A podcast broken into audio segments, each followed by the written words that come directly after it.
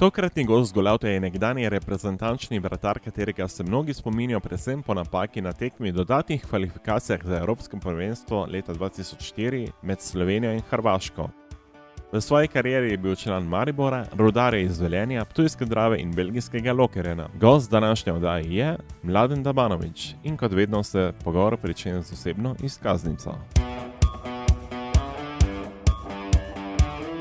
Poslušate oddajo Golout, slovenska podcast oddaja o slovenskem, tujem in ženskem nogometu.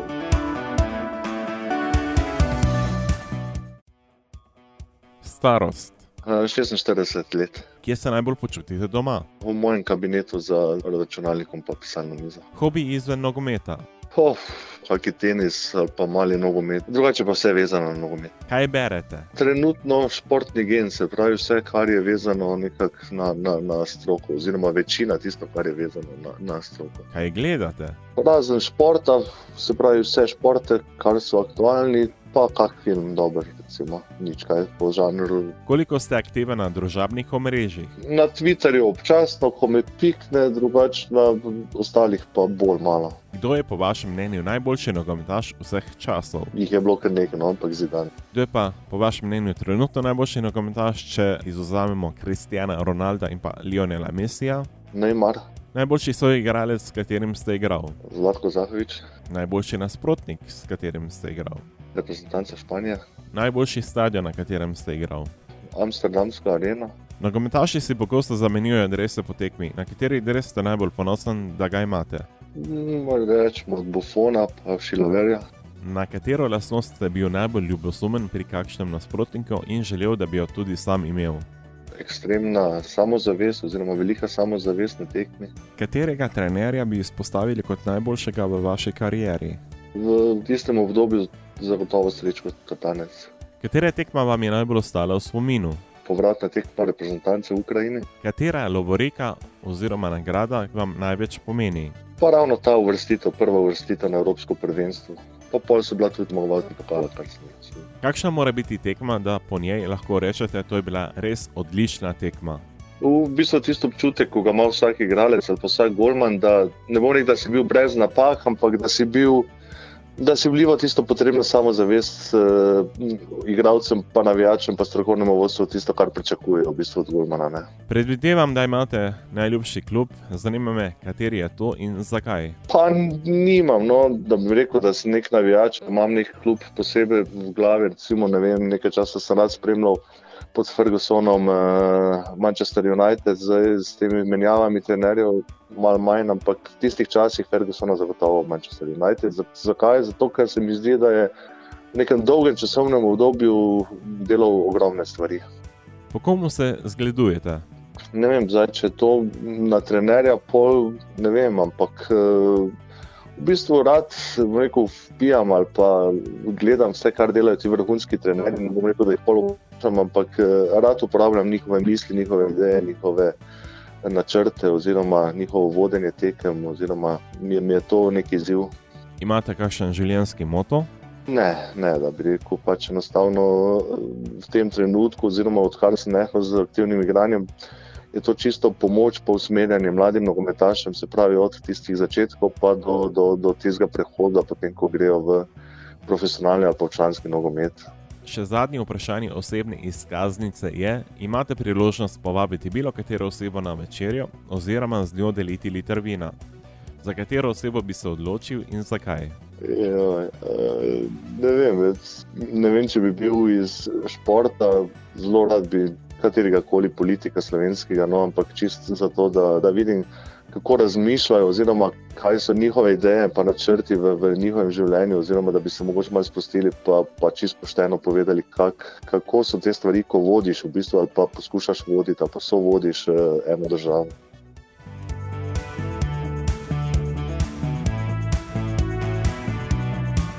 Potrebujete spletno stran, mobilno aplikacijo ali grafični izdelek? Priporočamo Source Design. Pokličite jih na nič 31 256 991 ali obiščite njihovo spletno stran www.sourcedesign.com.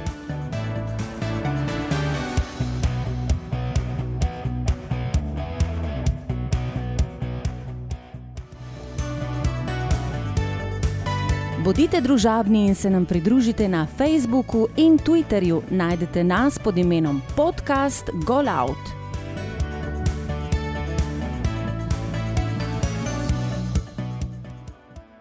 Preden se spustiva v vašo kariero, bi vas rad vprašal, če drži trditev, da če želiš postati vrtar, moraš biti malo nor.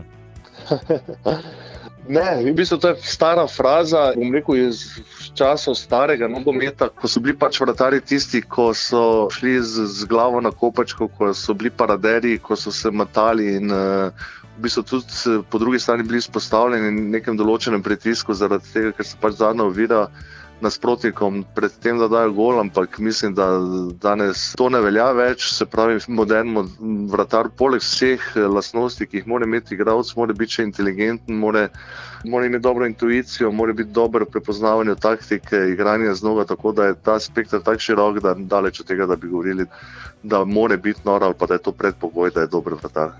Ali so po vašem mnenju danes vratari preveč zaščiteni s strani sodnikov? Ne, se, mislim, da se tudi gre, trend nogometa gre v tem, da se tudi vrhunski nogometaši zaščitijo v sami igri. Tako da ravno zaradi tistih stvari, ko sem prej omenil, se pravi, da vratari grejo vem, na tla z zgornjim telesom, se pravi z glavo naprej, igravci z nogo, se pravi, da jih v tem trenutku jih je treba zaščititi. Pretirana zaščita v petmetrskem prostoru, se pravi na tiste visoke žoge, to pa mislim, da se tudi ne, ne sodijo tako več. Mislim, da je tu Anglija bila prva taka, kjer ni vsak dotik z, z vratarjem faul in mislim, da je to pravilno. Mislim, da so vratari toliko sposobni. Pa glede na to, da lahko uporabljajo roke, da, da jih ni potrebno zaščititi. Pri teh visokih žogah, se pravi, centralnih predložkih. Kakšen si bil kot otrok? Ne vem, jaz mislim, da sem bil priden, delovni. Tako da bili smo drugačni otroci kot zdaj, kar je normalno, ampak mislim, da nič, nič posebnega. Kdo vas je navdušil za nogomet? Mm, v bistvu, ne vem, naši mladosti ali pa v naših časih je pač enostavno si igral ali pa treniral šport, ki je bil aktualen oziroma popularen v tistem mestu. Se pravi, v slovenskih konicah je pač razen nogometa, pa delno košarke, tretjih športov ni bilo tako, da se ta izbira eh, nekako zožila, potem pa še ne vem, oče je bil nogometaš in enostavno cele dneve smo igrali nogomet, je bilo vse skupaj bila neka logična posledica življenja v tistem času. Mar to pomeni, da ste imeli premalo tehničnega znanja in zato pristali na golu? Pa par stvari, eno, da res me, me ta tehnika, nogometna, ne bom rekel, da sem bil sploh z leti, da sem popravil to, ampak eh, v začetku je bilo pač enostavno, da sem bil med mlajšimi v tistem eh, okolju, se pravi, da sem najmanj škode naredil, oziroma so me dali vsi v gol, da so lahko ostali igrali. Pol malo v šali so govorili, da, pač, da se mi ne da tekati, pa zato, da sem gol. Tak, ne vem, enostavno sem pristal v golo. No, in pol mi je bilo všeč, in pol enostavno je, ko par let igraš, oziroma treniraš eh, za vrtarja, pa se je težko preusmeriti v, v drugo. Pa še z, potem sem relativno hitro začel rasti in je bilo še vse skupaj povezano s tem. Pomeni, da imate kar visok prak bolečine, ker nekateri se ne upajo niti postaviti v živi zid, medtem ko ste se vi kar postavili v vrata in želel izpostavljati udarcem oziroma bolečini. Ja, v bistvu v vseh športih, ne vem, ali, to, ali je to rokomet ali nogomet pri teh, ki so vrtari v bistvu z svojim telesom eh, ščitijo uh, pod žoge v gol. In, ja, ne redko, kdaj dobiš boleče dele telesa, žogo, in, uh, ampak se navadiš, se pravi, da ne vem, polomljeni ali pa zviti prsti, pa udarci v glavo so v bistvu pol del vsakdanjega treninga. Nogometnom pot ste pričel pri Dravini, zato me zanima, kakšen je bil preskok iz mladinskih selekcij v člansko moštvo. V tistem času so me pač trenerji, oziroma vem, takrat, bili, takrat je bil velik poudarek tudi na ščitljivih eh, telesne vzgoje v šoli. So me nekako prepoznali, da sem nekaj talentiran, ker sem bil tudi v ostalih športih dober. Tako da Nekako sem imel skozi neki status talentiranega in so me v bistvu potiskali v više selekcije, v članske selekcije, pazili na mene. Tako da nekako mi je bilo olajšano vse skupaj. Se pravi, da, da ta prehod je bil rekel, ne boleč, oziroma zelo hiter. Pri 20-ih ste prestopili iz Zdravljenja v Maribor, odigral ste štiri sezone v Violičastem resu. Kako se spominjate teh časov? V bistvu kot učenje, poznavanje vseh strani profesionalnega nogometa, velika zahvala takratnemu trenerju Plotku, ki je zbral celo mlado ekipo vseh nadarjenih fantov iz okolice in nam dal priložnost takrat najprej v Medrepubliški ligi in potem v Slovenski ligi. Se pravi, da smo relativno hitro postali člani prve ekipe, relativno mladi. To je danes malce teže no, v današnjih časih. Sledila je selitev v Velenski rudar. Mar se kdo bi rekel, da ste naredili korak nazaj v vaši karieri, kajti zapustiti Maribor in oditi v Velenje ni vsakdanja poteza. Ja, to je tisto, kar sem mogoče na začetku omenil. Včasih je pomembno od tega, kako treniraš, kakšno odločitev v danem trenutku izbereš. V tistem trenutku, rekel sem, v Mariboru ni bila takšna situacija kot danes. Tudi moj status je začel malo padati, začutil sem, da ne vem, ali je bila prenasičenost ali je bilo. V bistvu šel sem novemu izzivu, no. hotel sem se dokazati, velenje mi je takrat ponudilo priložnost, sem jo pograbil z obema rokama in mislim, da ni bila napaka, zato ker pač sem poiskal z velenjem, enako prišel do reprezentance, enako prišel do tega mednarodnega prehoda v Belgijo. Včasih moš narediti, tako se rekli, korak nazaj, da lahko narediš dva naprej. Tudi danes, vse, ko ne vem, tiste fante, ko sem enkrat treniral, pa enkrat spoznal in zelo rad jim pomagam z nasveti, oziroma sicer odločitve morajo v končni fazi sprejeti sami, ampak pravim, v dva dana trenutku se včasih je zelo važno, da se včasih odločiš pravilno. Tako kot v Mariboru ste tudi v Velenju preživeli štiri sezone in prišla je tudi prva in edina selitev v tujino. Odšli ste v vzhodno Flandrijo k belgijskemu prvoligašu Lokerenu. Kako je prišel do prestopa? V bistvu sem relativno pozno no, šel v, v tujino. Rekel bom že kar iz časov Maribora, so skozi bili vsak pristopni rok, neki aktualni, neki pre prestopi v tujino. V bistvu smo vsi igralci takrat čakali na to, da bi se zgodilo. In enostavno je bilo dosti teže takrat prestopiti v tuji klub. Meni se je pa zgodilo zelo pozno in pa kar nekako nepričakovano. Ampak je pa posledica tega, da so me opazili ljudje, so me malo spremljali in je transfer po vse skupaj se pa zgodil v parih dneh. Potem. Velika verjetnost, da vrtari teže dobijo nov klub, predvsem v tujini, je ta, da gre za zelo pomembno mesto v ekipi. V prvi enesterici je na voljo samo eno prosto mesto, zato se trenerji pogosto odločijo, da na to pozicijo postavijo najbolj zanesljivo osebo. Pri zonanih igralcih je lažje, ker nekateri igralci lahko igrajo na različnih pozicijah, medtem ko vratarji lahko stojijo le v vratih.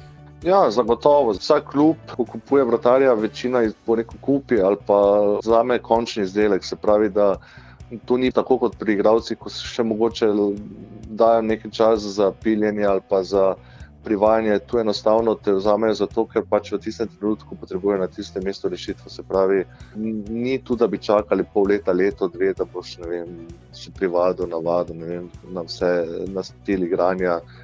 Kupijo končni izdelek, kupijo zelenega vrtarja in, in ga sam postavijo v. Koliko je pri prestopu premoglo to, da je takrat v Belgiji igralo kar nekaj slovenskih nogometašev? Med njimi je bil zagotovo v spredju mladen Rudonja. Neka linija se odprla, na, začeli so se naši rezultati, takrat dobri. Mladen Rudonja je pustil izredno dober vtis v Belgiji in pol enostavno, če en igralec nekako odprevrata oziroma se pokaže kot kvaliteten, priden, marljiv, eh, discipliniran, je tudi drugim lažje prestopiti v, v tisto državo. Oziroma, ni rečeno isti klub, ampak tam se ljudje pogovarjajo med sabo, tako kot vse posodne. Se pravi, da informacija hitro zakroži. Je bila pa idealna Belgija za to, da si nekako prestopil. Ni bil tako velik, kvalitetni razkorak med slovensko in belgijsko ligo, je bila pa odlična od, odskočna deska, če bi uspel v Belgiji, da lahko prestopiš nadalje. Kako pa je bilo pri Lokerju? Po mojih podatkih je bila kar pisana družščina, v kateri je bilo zelo malo domačih igralcev.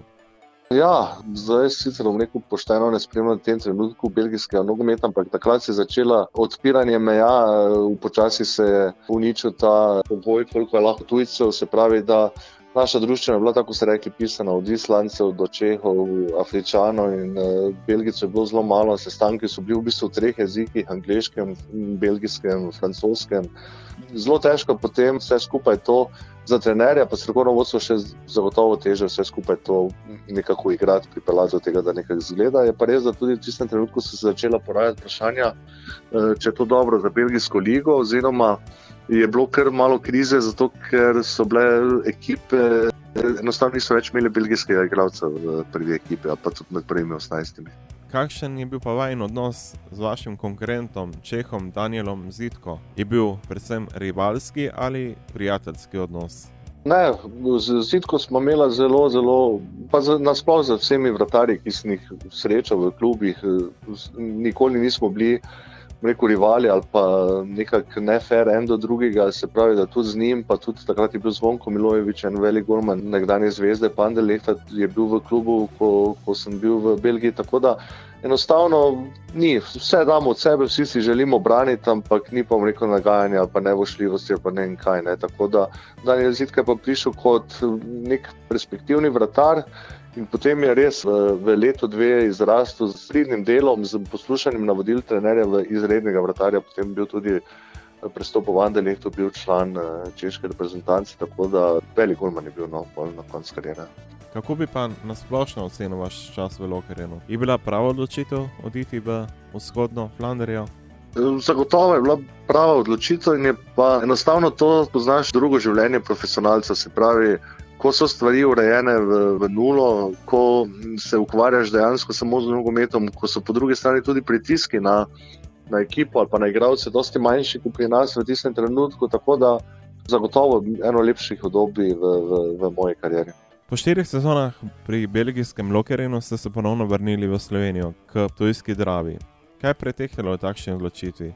Niste dobili nobene prave ponudbe, da bi ostali na tujem, ali ste preprosto želeli domov?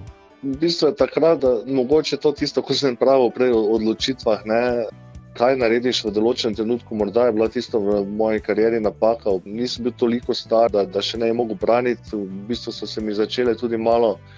Zdravstvene težave, se pravi, težave s kolenom, da nisem več bil 100%, na drugi strani malo osebne stvari, ne, se pravi, otroci so začeli iti v šolo, in potem so to skup dejavnikov, ki jih pol v karieri upoštevaš, nekaj enostavno sem se pač vrnil v Slovenijo.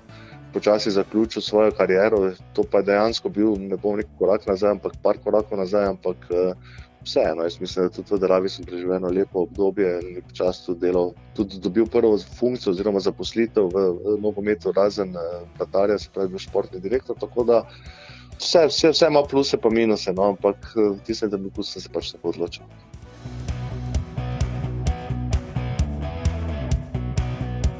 Imate kakšno vprašanje ali nam želite podati kakšno mnenje?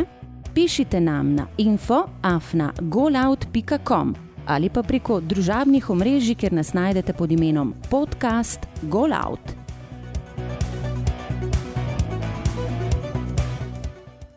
Dotakniva se še malo vaše reprezentančne kariere. Malo za šalo, malo za res, koliko neprespanih noči vam je povzročil, da do pršal. Za mlajše poslušalce naj omenim, da gre za dodatno kvalifikacijsko tekmo za Evropsko prvenstvo 2004 na Portugalskem. Takrat je slovenska reprezentanca igrala proti Hrvaški in se priigrala dober izid že na prvi tekmi na Zagrebskem Maksimiru. Tekma se je končala z izidom 1 proti 1. Na povratni tekmi na Bežigrajskem stadionu je tudi kazalo zelo dobro. Hrvati so v začetku drugega polčasa ostali še brez Igorja Tudora, ki je bil izključen. In mnogi so že potekem verjeli v to, da gre Slovenija ponovno na Evropsko prvenstvo. A te želje je prekrižal le nekaj minut po izključitvi Tudorja, prej omenjeni Dado Pršo, ki je dosegel edini zadetek na tekmi po napaki našega današnjega gosta. ja, ne, ni šala, to je dejansko je, to je bila mogoče tekma oziroma intervencija oziroma gol, ki je nekako vplival na celo mojo kariero. Če bi takrat igrali 0-0, če ne bi bilo tistega zadetka, vprašanje, kako bi se razvijala nadalje moja karijera. Šli bi na Evropsko prvenstvo na Portugalskem, eh, odbranil sem rekel, dobre tekme z Hrvaško, razen te intervencije. Tako da to je zmeraj ostane v zraku in eh, kaj bi zgodil, se zgodilo, zdaj ta napaka oziroma ta gol je zagotovo zaznamoval mene. V tistem trenutku, kot profesionalcem, je bilo rekel, teže od vseh navijačev, pa so igralcev, je, je bilo meni. In, ta vrnitev je bila v enem delu tudi posledica te napake oziroma tega gola. Koliko krat vas še danes spomnijo na to tekmo ali je šlo že v pozabo? No, tista generacija, ki je bila takrat generacija navijačev, ko je takrat spremljala reprezentanco, ko je gledala, v bistvu me, me, me spomni v vsakem priliki. Tudi nekateri so, rekel bi, hodomušni, nekateri na pol šali, nekateri ne morejo preživeti tega, ampak zdaj pa že od takega časovnega obdobja, da enostavno jaz, jaz sem šel prek tega.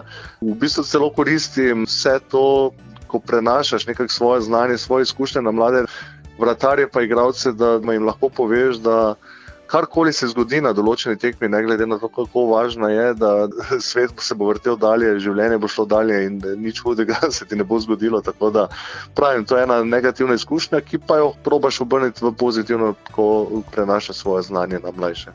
Drugače se zdi, da ste imeli več ali manj vlogo rezervnega vratarja pri slovenski reprezentanci. Kljub temu vam je Srečka Katanec potem podelil mesto prvega vratarja na Evropskem prvenstvu leta 2000 v Belgiji in na Nizozemskem, kar je zagotovo vrhunec vaše reprezentančne kariere. Celo reprezentančno obdobje, prvo tekmo slovenske reprezentance je bila v Estoniji, ne vem, zdaj ali bo to 92-93 leta, se pravi v tistem obdobju sem bil zraven in rekel, kar nekaj let sem bil v senci vseh vlatarjev, ki so bili, ali je to bil Boškovič, ali je to bil Pejkovič, ali je to Zupan, večno drugi, večna rezerva. V bistvu šele z prihodom Katanca na, na mesto selektorja sem tudi jaz debitiral. Pet, šest let sem čakal na ta debi, tako da potem pa je bilo sigurno tisto najlepše obdobje reprezentance, ko smo se vrstili na Evropsko svetovno prvenstvo, ko smo v bistvu se nekako formirali oziroma začeli igrati na nekem višjem nivoju, in sigurno tisto obdobje pa je izredno lepo spomin. Kako pa bi sicer ocenili vašo reprezentančno kariero?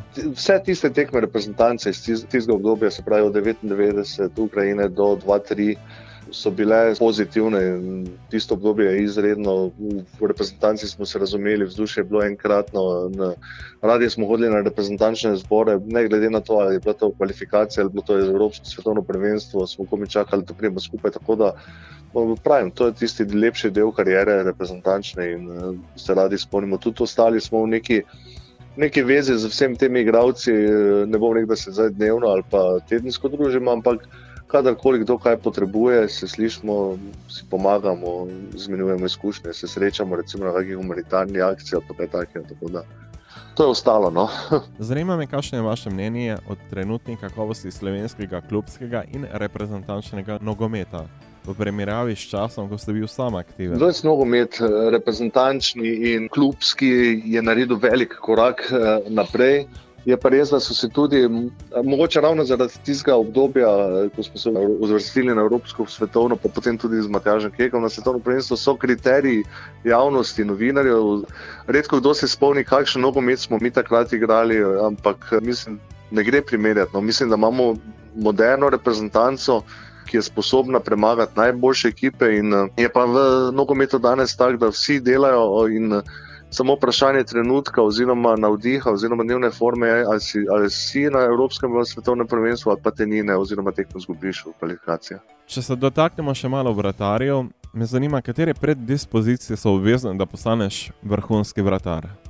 Po nekih analizah je na vseh tekmah vratarji imajo vem, med 70 in 80 intervencij z nogo. Se pravi, da so skoraj bolj nogometaši kot vrtari. To je že odgovor na tisto, kaj je predpogoj. Spravi danes, da vrtari igrajo z obema nogama, da je dobro tehničen, da ima to pas uh, igro. To je osnova, da si upa to pokazati na tekmi. To so predpogoji.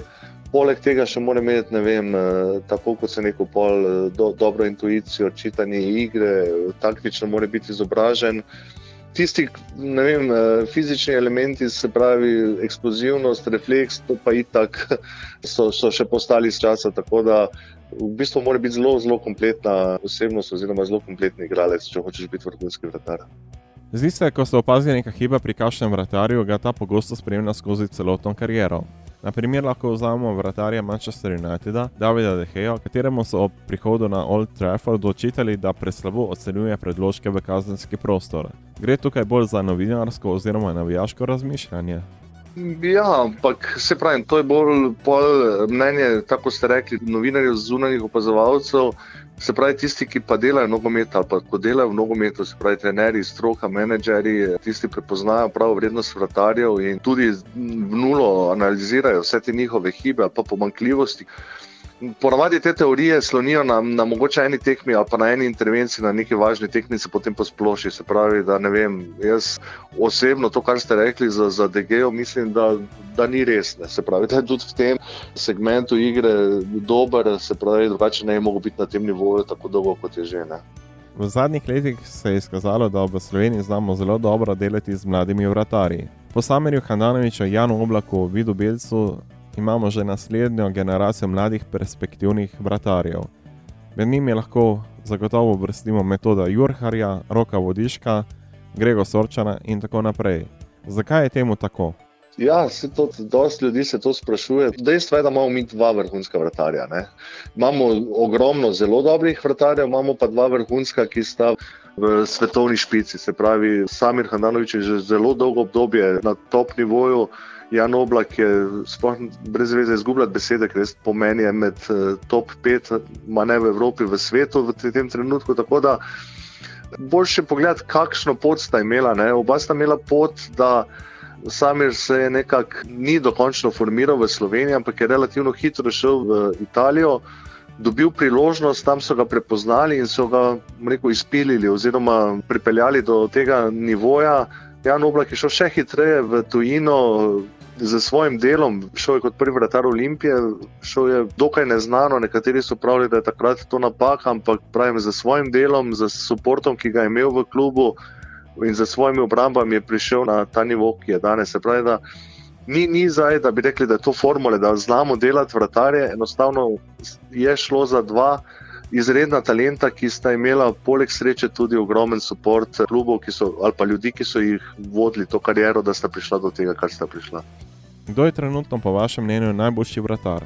DGA, Noer, oblak, tako kot se neko tu je nekje top 3. Recimo. Je pa vsi, vsi ti klubi imajo, imajo vrhunske vratarje in pravim tu danes. Če dobiš pohvalo, da si najboljši vratar v eni španski lihi, za mene to ne, ne znam povedati. Po mojem se premalo ceni to v Sloveniji ali pa za samerja top eh, Golman v Italiji to je res na nivoju ne vem, nekajkratnega olimpijskega prvaka, po moje. Za konec najnega pogovora me še zanima, s čim se ukvarja danes mladen Dabanovič.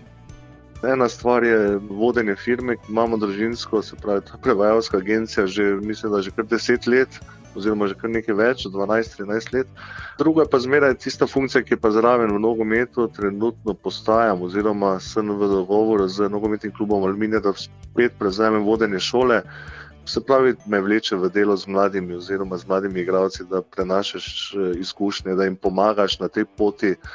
Tako da trenutno je to. to. Mladen, zahvaljujem se vam, ker ste se odzvali mojemu povabilu. Želim vam čim več uspehov na osebnem, poslovnem in športnem področju. Ko bo kaj aktualnega, se pa ponovno slišimo v studiu Golauta. Tudi vam veliko uspehov z dajo in vse lepo. Obiščite trikrat dvojni web.golout.com in bodite na tekočem.